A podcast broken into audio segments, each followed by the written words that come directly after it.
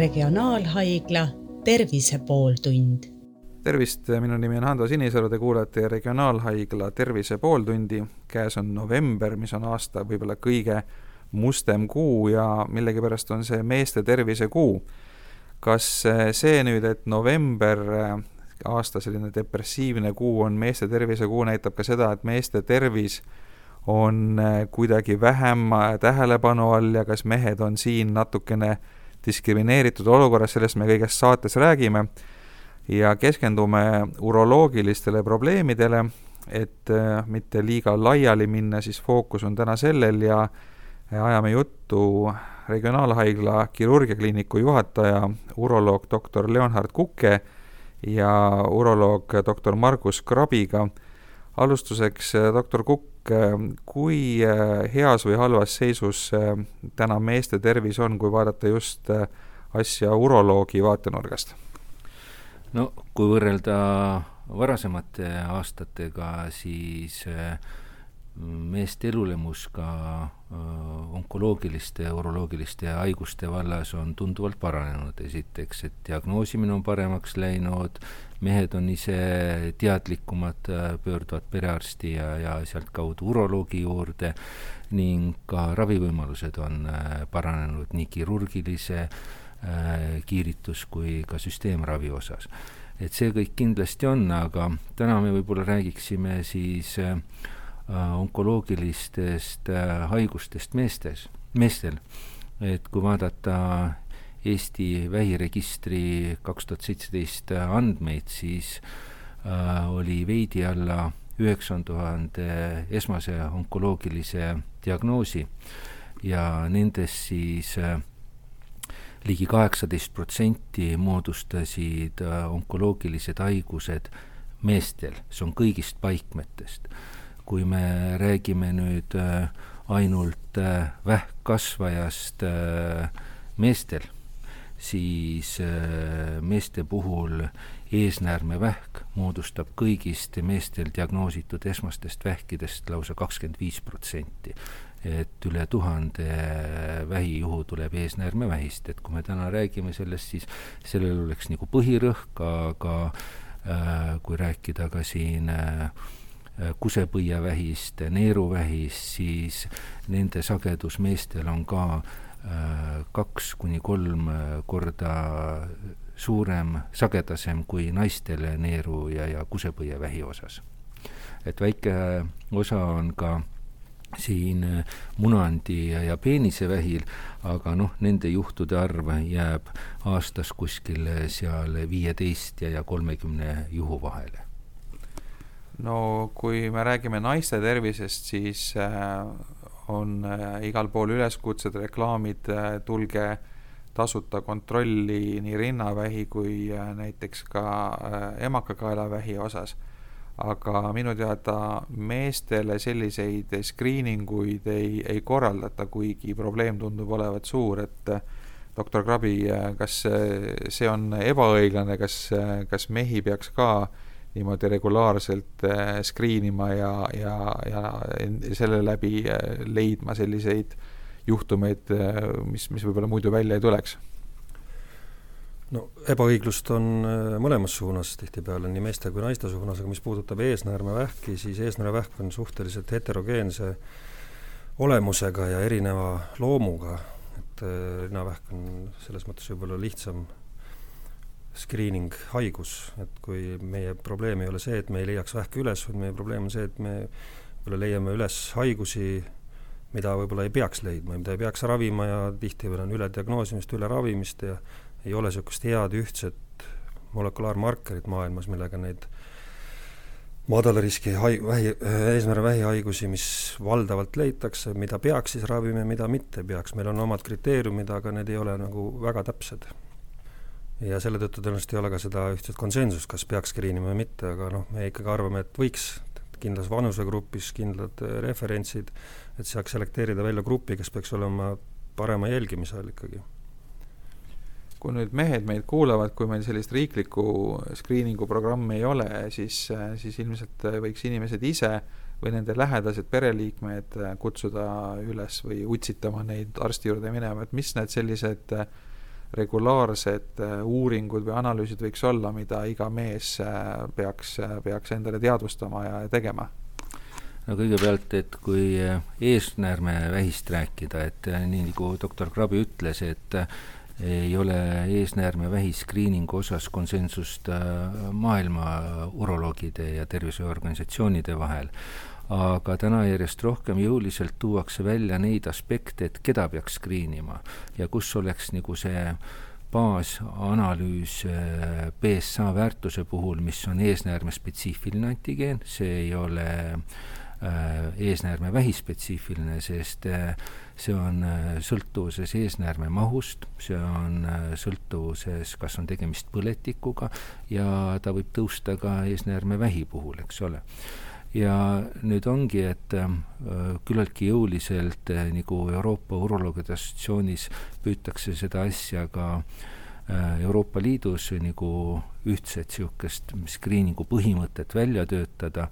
et mehed vanuses nelikümmend viis kuni viiskümmend aastat, et need, kellel on BSA ükskord tehtud selles vanuses ja BSA väärtus on alla ühe koma viie, et nendel on väga väike tõenäosus üldse kunagi elus äh, eesnäärmevähki haigestuda. et nendel võiks siis järgmine kord korrata BSA-d kuskil viie aasta pärast või veelgi hiljem need, kellel jääb see väärtus, jääb ja neid on umbes siis üheksakümmend protsenti kõigist meestest et äh, nendel, kellel jääb ühe koma viie ja kolme vahele BSA väärtus, et nendel äh, on vähitõenäosus kuskil kaheksal protsendil. et äh, ja nad moodustavad sellest populatsioonist et nendel võiks siis kuskil kahe aasta pärast korrata. ja need mehed, kellel on siis BSA üle kolme selles vanusegrupis, ja, ja ei ole seotud nagu otseselt põletikuga see, et nendel peaks tegema siis Maagna, Vaagna äh, multiparameetrilise magnetuuringu ja, ja kui seal tänapäeval kehtestatud niisugused äh, piltdiagnostika hindamiskriteeriumite järgi, kellele see skoor tuleb äh, viiepallisüsteemist tuleb üle kolme, neli ja viis, eks ole, et nendel oleks vaja teha ka varane nagu eesnäärme proovitüki võtmine, kuna nendel on suure tõenäosusega arenemas või arenenud juba eesnäärmevähk. ja selle järgi siis seda asja püütakse nagu leida mingi konsensus, kuidas seda asja hakata tegema et noh, siin on ka Eesti Haigekassas on seda asja arutatud, et kas meil Eestis teha seda või mitte, et ma arvan, esialgu piloodina võiks selliste põhimõtete järgi hakata seda ka tegema.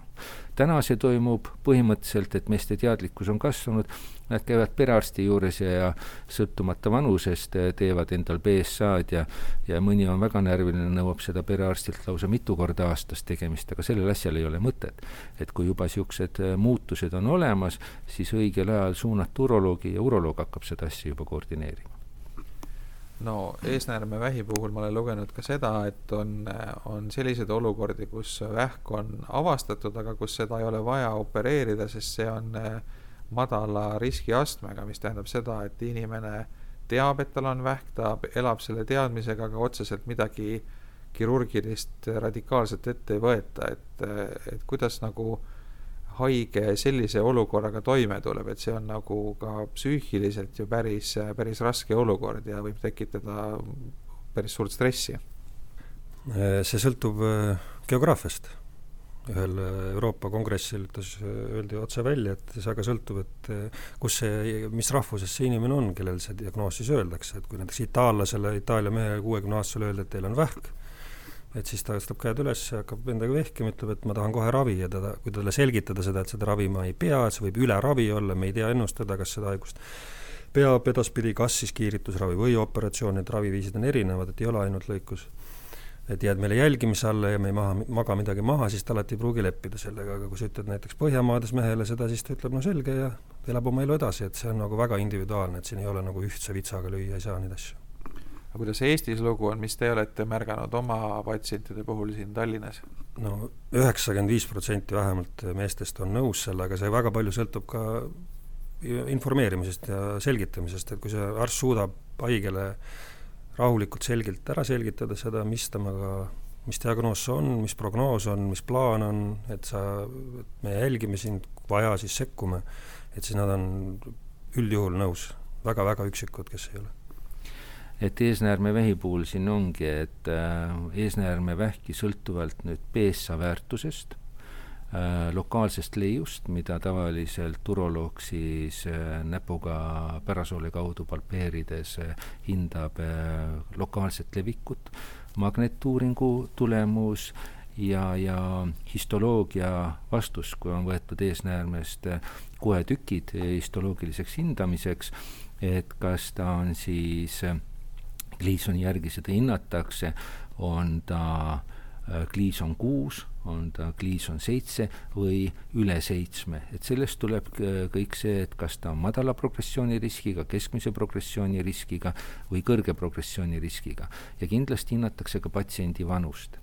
et suured metaanalüüsid on näidanud, et madala progressiooni riskiga mehed vanuses seitsekümmend ja üle selle, et need eesnäärmevähki ei sure. täna jäetakse need mehed kõik aktiivsele jälgimisele ja nagu doktor Krabi ütles, et kuidas nüüd arst suudab seda patsiendile selgeks teha. ja, ja aktiivne jälgimine tähendabki, et ta käib teatud intervalli tagant, mida siis tohter otsustab, käib äh, kordamas BSA-d ja, ja vaadatakse patsient üle, vajadusel võetakse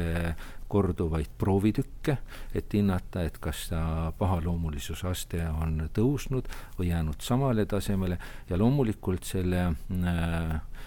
koetükkide hindamise juures hinnatakse ka seda, mitmes koetükis on äh, pahaloomulisus olemas, kui suure protsendi see sellest omab. et kui on rohkemas kui kahes koetükis, et noh, siis äh, neid haigeid jälgimisele ei jäeta, nende puhul rakendatakse siis äh, teatud ravi, mida siis kokku lepitakse, sellest räägime hiljem, aga mm -hmm, madala progressiooni riskiga haiged äh, jäävad meil täna järjest rohkem ja rohkem jälgimisele. et täna üle tuhande haigusjuhu diagnoositakse osa on nii vanad haiged ja, ja kaugele arenenud, et nendel rakendatakse ainult hormoonravi juba kohe äh,. kuskil äh, üle neljasaja haigusjuhu aastas opereeritakse, kas siis lahtise lõikusega või, või äh, laparaskoopiliselt, endoskoopilise lõikusega. siin ka siis kas koos lümfisõlmedega või ilma kuskil kolmsada haigusjuhtu saavad kiiritusravi, et siin on siis kas väline kiiritus või, või koesisene kiiritus.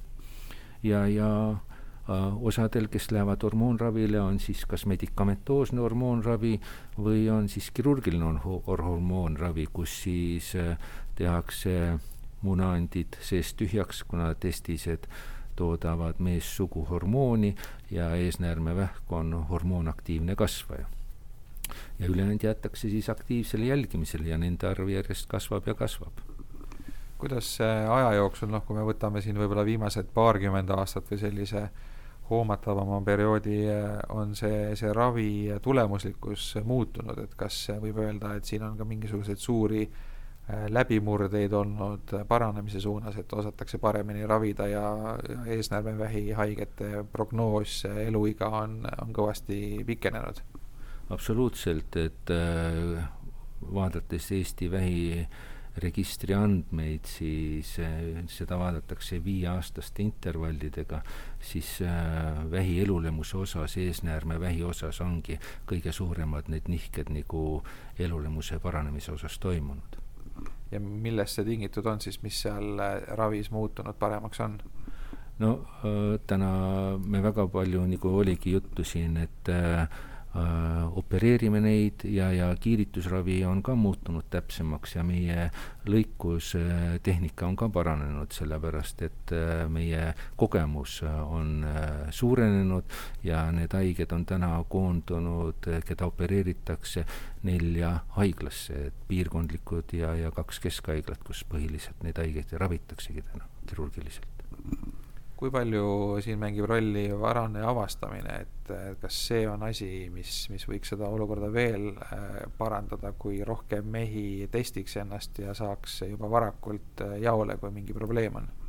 no absoluutselt, et äh, sellest sõltubki, et kui haigus on kaugele arenenud, ja, ja on juba siirded tekkinud, siis seda haigust välja ei ravi, me saame patsiendi eluiga küll pikendada ja, ja tema elukvaliteeti teatud aja parandada, aga haigusest me teda välja ei ravi. aga õigeaegsel avastamisel ja, ja just nende kõrge progressiooniriski haigete opereerimisel või, või kiiritusravi andes me saame haiguse välja ravitud üks äh, hirm, mis meestel äh, selle haigusega seoses on, lisaks äh, otsesele siis surmahirmule, on see, et et pärast seda, kui on see operatsioon tehtud, siis ta ei saa enam jätkata nii-öelda normaalset mehe elu ja, ja see on tegelikult võib-olla ka üks tegur, mis mis hirmutab, et sa ei taha nagu teada neid või variante ja võib-olla siis peidad pead liiva alla ja ei lähe arsti juurde, et mis te selles osas räägite, et kui palju see kirurgiline sekkumine siis eh, seda patsiendi elukvaliteeti mõjutab ja mida siin teha annab? elukvaliteedi muutus eh, pärast ravi, kas siis kiiritusravi või lõikusravi, sõltub väga palju haigusstaadiumist, sellest, et kui levinud lokaalselt see haigus oli, kui palju peab võtma neid eh, närvikimpe kaasa operatsiooni ajal, pluss siis ka operatsioonitehnikast muidugi. ja mis puudutab siis seda hirmu, siis see on jälle väga individuaalne, on mehi, kes ütlevad, et äh, nemad nii-öelda seksuaalelu enam ei ela, et nendel sellest ei ole lugu, on mehi, kes ütlevad, et üksikuid muidugi, kes siis ravist keelduvad selle tõttu, et nad ei, ütlevad, siis ei ole elul enam mingit mõtet. sellel teemal nagu süviti minna, siis äh, nagu ma siin mainisin ka, et et siin on ka võib-olla niisugune ebaõiglus mängus jah, et kui näiteks rinnavähi ravijärgselt mastektoomia rind ära võetakse, siis on juba aastaid-aastaid Haigekassa kompenseerib rinnataastuslõikusi vajadusel, rinnaimplantaate, et noh, see mõjub siis, kuna et naise psüühikale peaks nagu halvasti mõjuma, kui tal on üks rind ainult. aga kui mehel näiteks erektsiooni ei ole, et siis peeniseproteesi orgaanilise impotentsuse raviks ta ei kompenseeri. miks see on nii, seal on kindlasti väga palju põhjuseid, sellest võib rääkida, ma arvan, pikalt aga mis need põhjused siis on, et mis see teie arvates selline kõige peamine põhjus on, äh, miks see nii on? no selle on võib-olla sellepärast, et sellest ei sõltu meespatsiendi nagu elu otseselt, on ainult elukvaliteet, et siin nüüd ongi, et äh, kui oluline see elukvaliteedi seisukohalt nüüd on, et, et see on niisugune äh, üks teema ja, ja kuna Haigekassal siiski täna on ra-, raha äh, piiratult, ei jätku enam, kui me vaatame seda, mis tulevikus meid ees ootab, et siis võib-olla selle raha eest mis äh, kolmteist protsenti sotsiaalmaksust läheb, eks ole, ei jätku kõigi tänapäeva meditsiinivõimaluste pakkumiseks. et siis see on jäänud nagu meeste enda rahakoti peale, et ma arvan, et see on, puhtalt on see on nagu põhipõhjus, miks seda ei ole täna kompenseeritud aga noh,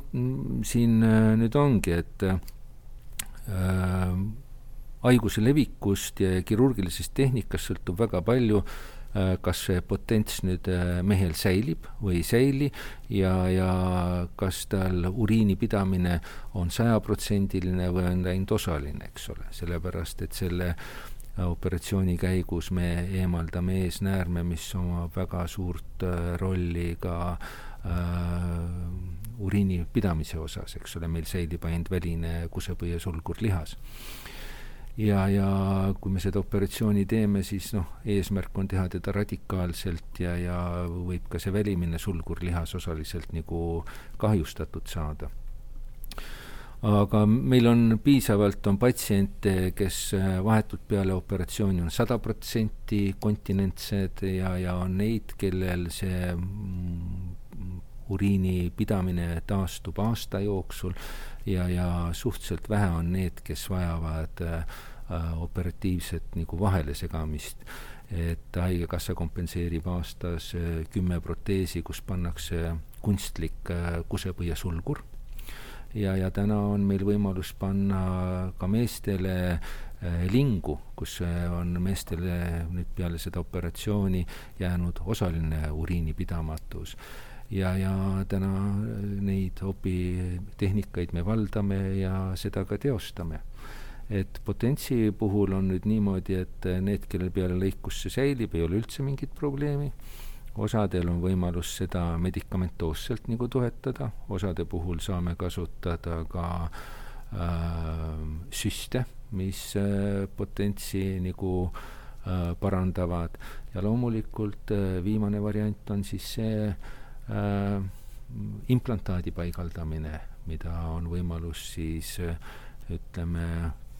spetsiaalsete pumbasüsteemidega nagu kasutada. Kuivõrd äh, Eesti uroloogia selles osas on äh, muu maailmaga võrreldes tasemel, et äh, te käite vähemalt enne koroonat ilmselt oli võimalus külastada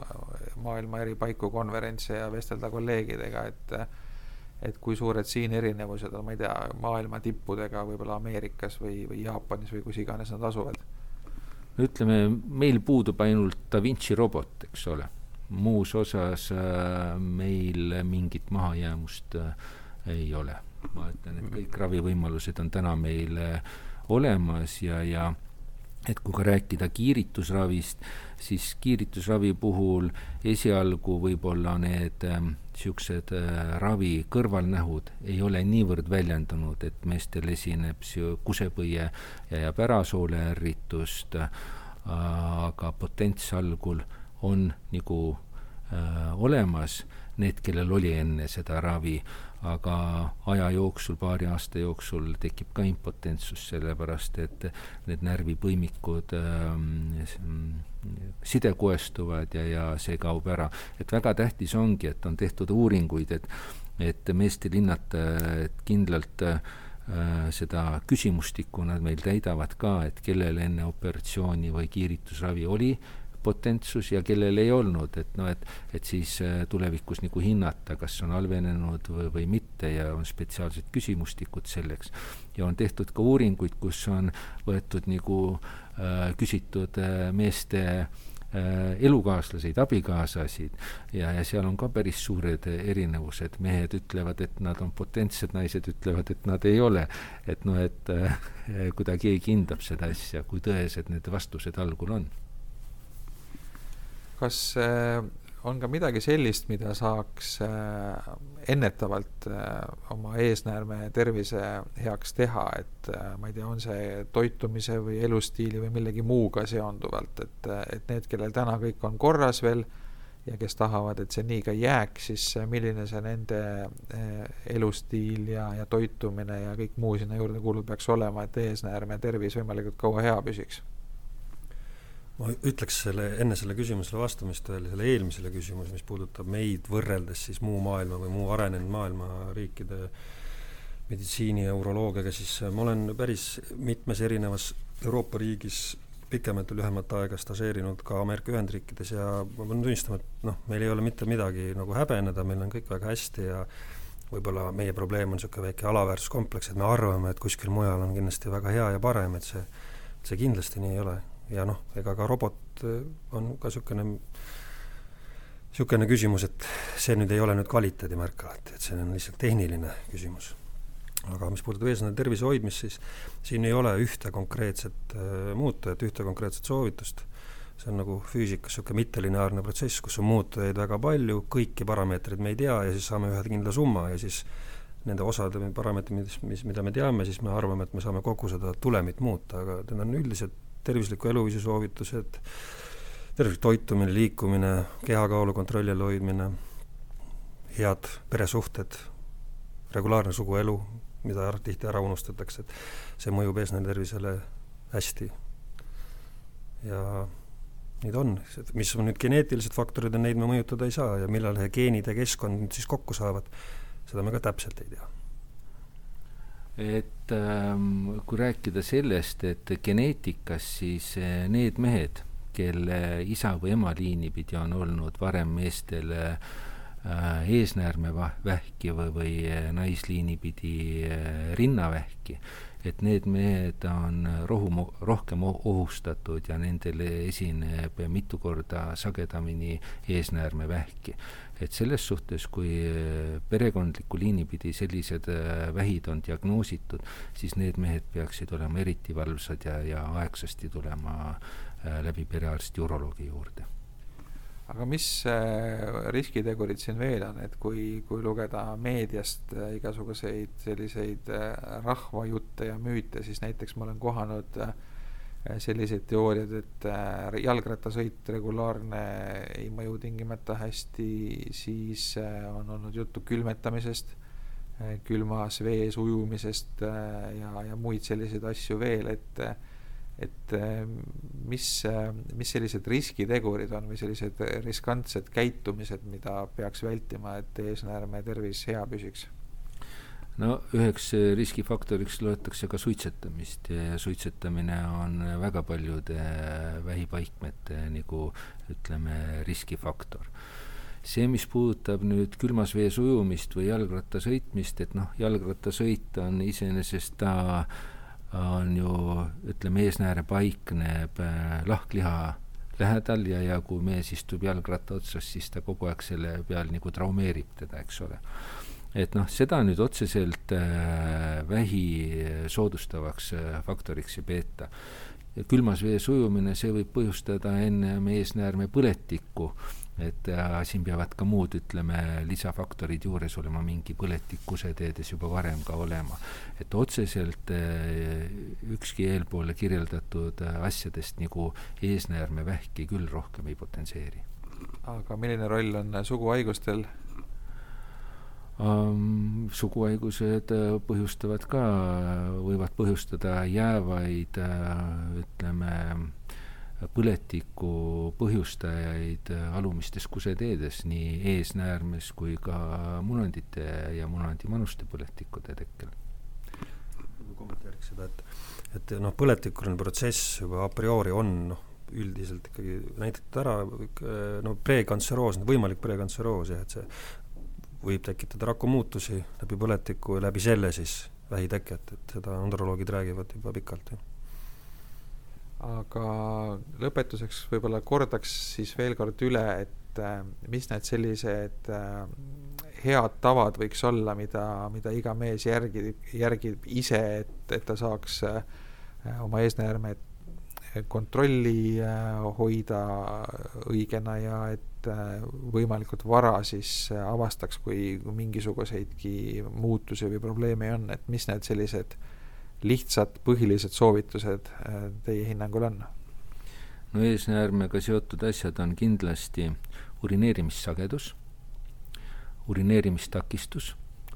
äh,, vere olemasolu äh, seemnevedelikkus, et need on nagu, mis on puhtalt seotud äh, eesnäärme probleemidega, eks ole. ja niisugune ebamugavustunne lahkliha ja, ja häbeme piirkonnas. Äh, kui rääkida üldse urogenitaaltrakti kasvajatest, kuhu alla kuuluvad siis neer, kusepõis ja, ja meessugu elundid, siis äh, vere olemasolu uriinis on alati juba niisugune punane tuli ja, ja ohumärk, et siin taga võib olla kusepõievähk, võib olla neeruvähk, neeruvaagna kusejuhavähk ja, ja ka eesnäärme oma. et need on nagu põhilised sellised asjad, mille puhul peaksid siis mehed kindlasti saama suunamise ja vastuvõttu uroloogi juures aga nüüd äh, need BSA testid ja, ja muud sellised, et mis siin teie soovitus on, et mis vanuses, kui tihti neid teha tuleks?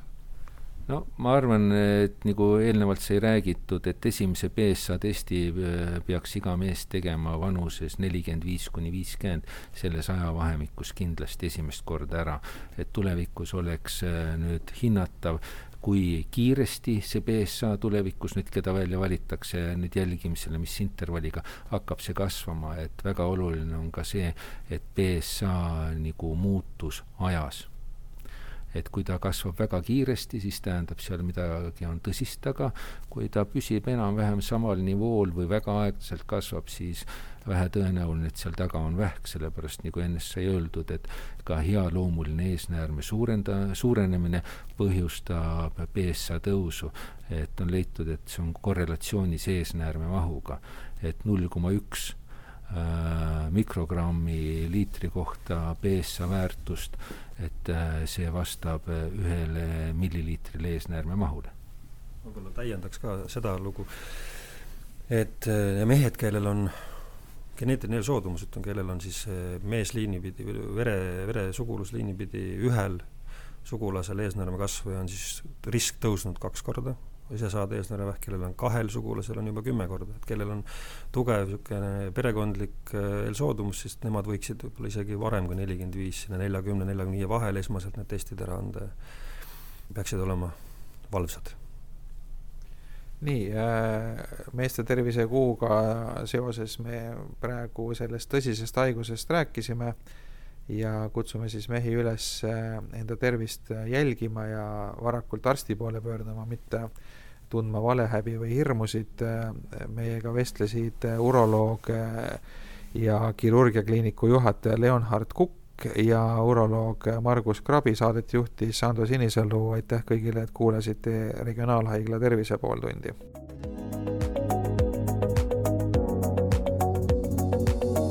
regionaalhaigla Tervise pooltund